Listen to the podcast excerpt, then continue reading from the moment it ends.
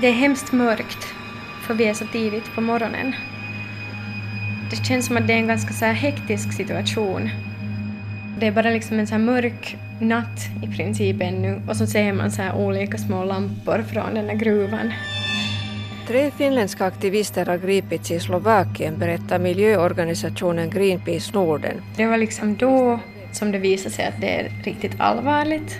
Det hotades med fem år fängelse och det sades verkligen att vi har varit ett hot för det slovakiska folket.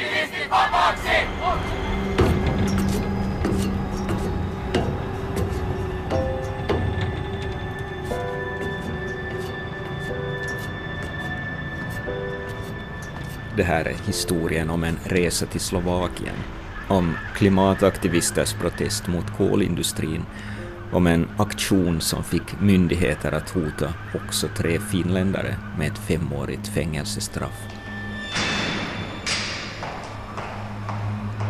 Det här är poddserien Fängslad i Slovakien av Thomas Jansson.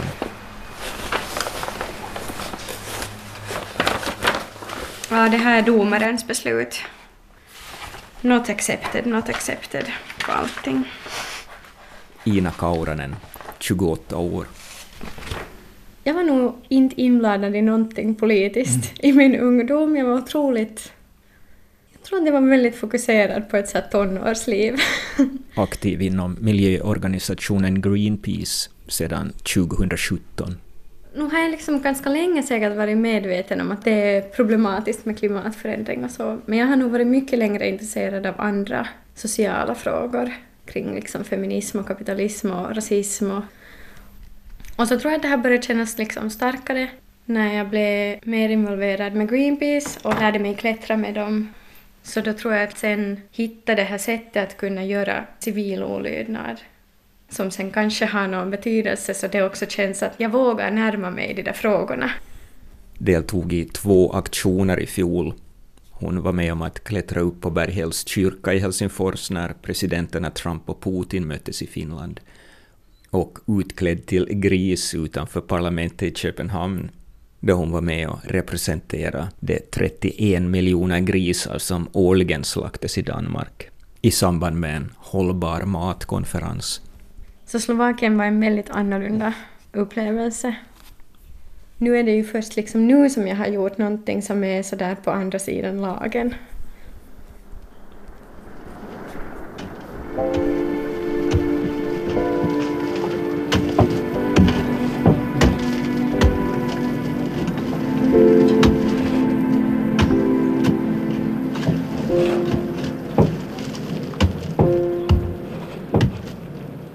Det är slutet av november 2018. I polska Katowice förbereder man sig för Förenta Nationernas klimatmöte som ska fortsätta diskussionerna om hur man ska hålla den globala uppvärmningen under 1,5 grader. Det här samtidigt som Meteorologiska världsorganisationen varnar om att världen nu håller en riktning på en mellan 3 och 5 grader hög uppvärmning fram till år 2100. Samtidigt har Ina Kauranen packat för att tillsammans med två andra finländare resa till slovakiska Novaki, till en kolgruva och ett kolkraftverk som enligt Europas miljöbyrå är den enskilt största miljöboven i Slovakien. Framme ska de sedan möta aktionens nio andra deltagare som kommer från Belgien och Tjeckien och Slovakien. Kvällen innan avfärden besöker Ina sin mamma. No, det var ju det som var så kusligt, att allting var som vanligt. Att jag visste ju inte att hon åker på en sån där resa alls.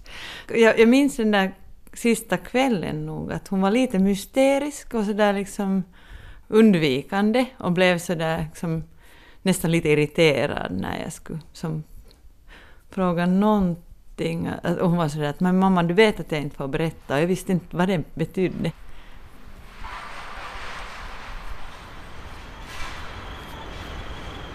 När vi kom fram så visade det sig att elen hade farit från hela byggnaden som vi skulle vara över, sova över på natten och en bil gick sönder på vägen när vi for dit till den där lilla orten. Att det var liksom otroligt mycket sådana små motgångar. Men på något sätt att det kändes som att alla kunde liksom skratta åt det på ett så sätt att okej, okay, det här är bara det här är så som det kan vara och nu ska vi göra det här. Vi liksom gjorde ganska mycket av det där förberedande där på plats. Vi tillsammans diskuterat hur kommer vi att komma in på området och hur, ja, vad, är vi, vad är det vi vill uppnå där. Och liksom, så att vi alla har samma tanke om vad det är vi ska göra och hur vi ska göra det. Mm. Det är otroligt mycket att förbereda för att se till att vi har allt som vi behöver, för att alla ska veta hur, vad vi ska göra och i vilken ordning saker sker och att alla har samma information. Så egentligen liksom kvällen gick jättemycket ut i bara sista förberedelser och sista diskussioner och, och liksom all sån där in i detaljplanering, att i vilken ordning och går vi upp för stegen, liksom på den nivån. Nu har man väl packat allt man behöver och har man tillräckligt mycket varma kläder och sådär. Att det var nog väldigt spännande, men på ett ganska bra sätt ändå.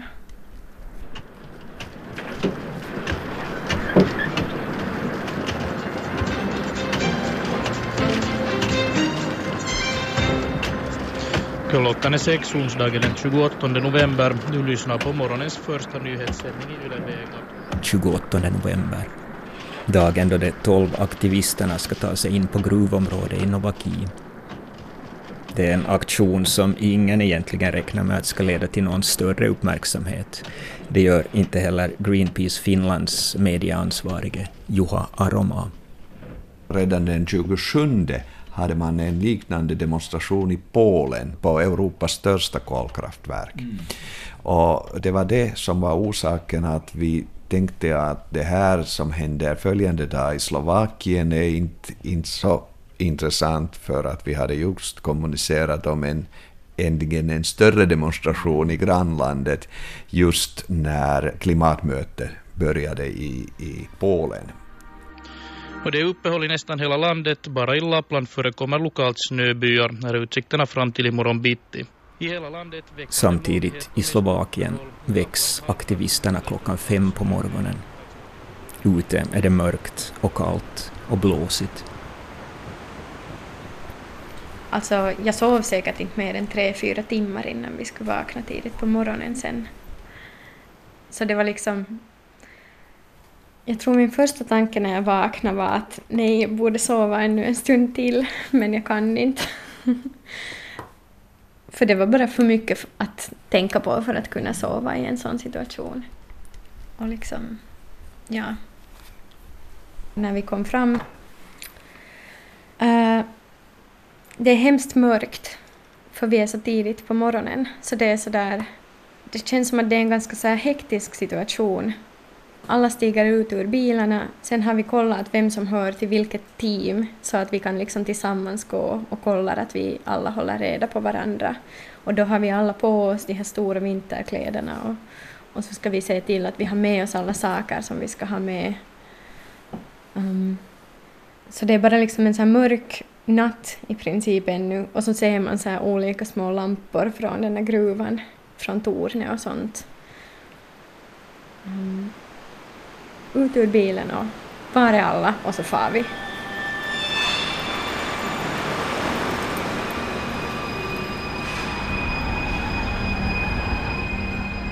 Målet är ett gruvtorn omkring 70 meter högt.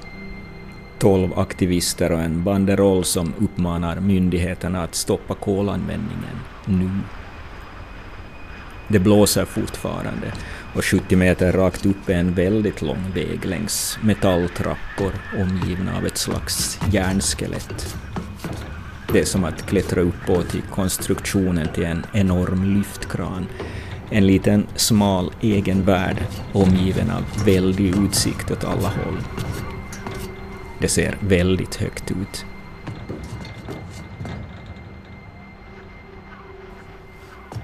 Mina tankar medan jag klättrar dit upp är så väldigt fokuserade på att kolla att vi alla är med, att vi har med alla saker vi behöver för att kunna liksom utföra det vi har planerat att utföra, för vi måste ha med banderollen.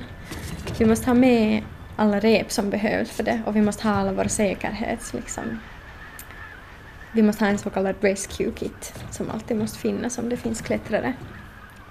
För vi, det, liksom, det kunde ju vara halt någonstans, vi visste inte på förhand hur liksom, pålitlig den där stegen är som vi skulle klättra, så det kändes som att det fanns väldigt mycket sådär bara att att tänka att okej, okay, vi får se hur den nästa steg är och så här.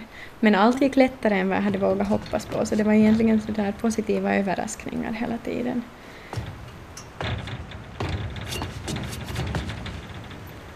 Det var en klar och ganska vacker dag, men det var nog kallare än vad, vad jag hade förväntat mig. Det var nog plusgrader, men det var en ganska kall blåst, så jag vet inte exakt vad den där temperaturen sen var, men det var nog ja, kanske plus fem, plus två grader, men med en kall blåst. Speciellt sen när man är 70 meter upp i ett torn. Så jag konstaterade genast att jag borde ha haft mera kläder på mig. Det är många trappsteg upp till toppens metallgalleravsats, där den enorma gula banderollen med svart text ska vecklas ut och bindas fast, samtidigt som man i bakhuvudet funderar på när någon myndighet ska ingripa. Är det kolgruvans egna säkerhetsmän? Eller kommer någon kanske att ringa efter en polispatrull? Men man kommer upp utan problem. Tolv aktivister från fyra länder. Tre av dem klättrar allra högst upp. En av dem är Ina som ska posera tillsammans med en mindre version av banderollens slagord. Och utsikten är fantastisk. Först sen liksom efter en stund så började man, kunde man börja kolla runt omkring sig och titta på de här byggnaderna. Vi hade ju liksom kollat på satellitbilder och sånt innan för att se just liksom var det finns stegar och var det finns ingångar och sånt här. Så det, det var så här roligt att sen se det stället som på ett sätt var så bekant, så se det på riktigt. Och sen när man kunde börja lugna ner sig så kunde man börja se på utsikten och sådär märka så hur solen började gå upp och att det var vackert. Men alltså det är en konstig blandning av så här otroligt vackert och väldigt dystopiskt. Det är så där, det är ett jättevackert landskap av en, så här, en dal med så här berg runt omkring men som sen samtidigt är liksom helt förstörda av så här fabriker och industri. Att där är den där stora gruvan som vi var på som man sen ser på ett visst avstånd så ser man det här kolkraftverket dit den kolen från den här gruvan far. Så finns det några andra kemikaliska liksom, fabriker och sånt här också. Och då visste man ju, vi visste liksom från för, på förhand att den här miljön här i det där stället och den där byn är liksom helt förstörd av den här industriverksamheten där. Att liksom, det har haft hälsoska, skapat hälsoskador för de som bor där och jobbar där. Så det var liksom någonting ganska tragiskt i att det, det var jättevackert och samtidigt jätteförstört. Jag kommer inte riktigt ihåg vad allt vi pratade om. Jag tror att vi beundrade utsikterna en del och var glada när solen kom upp. Och jag brukar tycka om att sjunga Shares Believe när jag är på sådana ställen. Så det gjorde vi en stund då. så åt vi lite mellanmål och sånt. Frös jättemycket. Just det, så en sån där riktigt kapitalist storsäljarlåt. Ja men det är en underbar låt. Det är ändå... Inte kan man göra någonting om man är i konstant bojkott på allting som på något sätt har kopplingar till kapitalismen i det här, den här världen.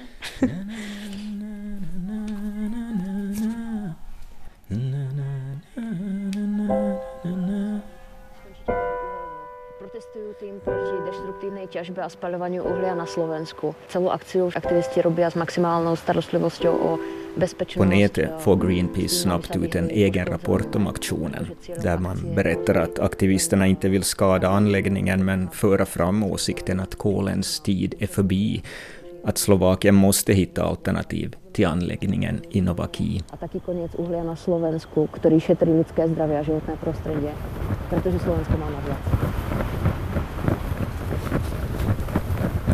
Jo, det var liksom först en eller två timmar liksom efter att vi hade kommit upp dit som det blev sådär.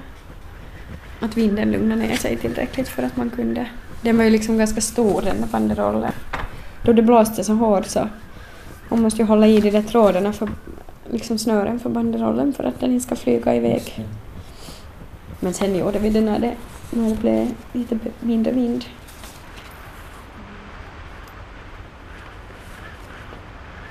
Det viktigaste här var ju att få liksom sprida det här budskapet, för vi var inte där för att, att stoppa den där gruvan, eller gruvverksamheten. Så det handlar inte om att liksom försöka blockera det uh, så länge som bara möjligt, utan det viktigaste var att liksom sprida det här budskapet om den där protesten. Så då var det ju viktigt att få liksom bra foton på det och liksom få, få dokumenterat det som hände. Så vi hade helt planerat att komma ner själv fredligt liksom sen när vi kände att vi var färdiga. Och det gjorde vi ju i princip. Det var tidigare än vi hade planerat men, men liksom ändå att vi kom ner sen helt självmant. Delvis hade vi haft ganska hög vind. Som sen när man har en stor banderoll så det finns en nivå för hur hög vind man kan ha för att det ska vara säkert. Och sen delvis var det ju jättemycket poliser som väntade på oss på marken och, och vi började förstå att de, liksom, de vill verkligen att vi ska komma ner. Så sen kändes det i något skede liksom...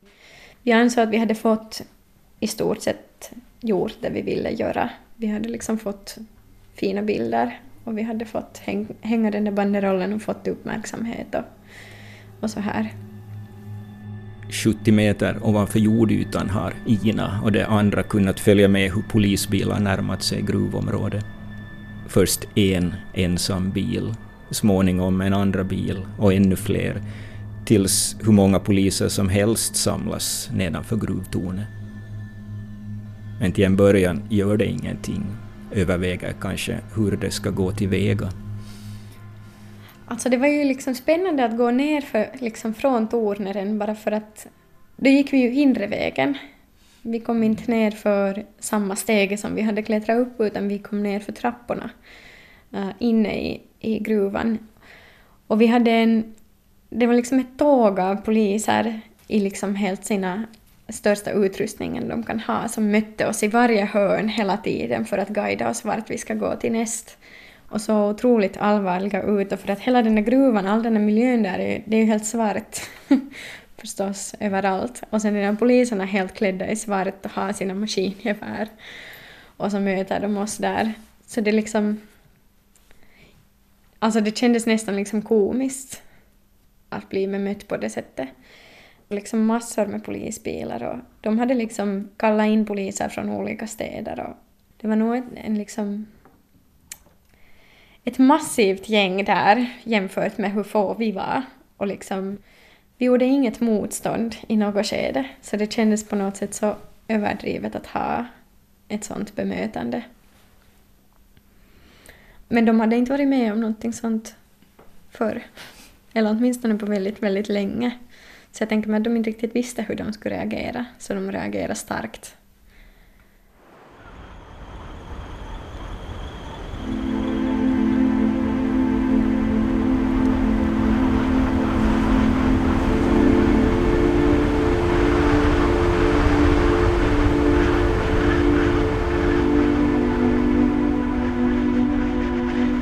Här var del ett av poddserien Fängslad i Slovakien i nästa avsnitt börjar Ina och hennes medaktivister inse att allt inte riktigt kommer att gå som planerat.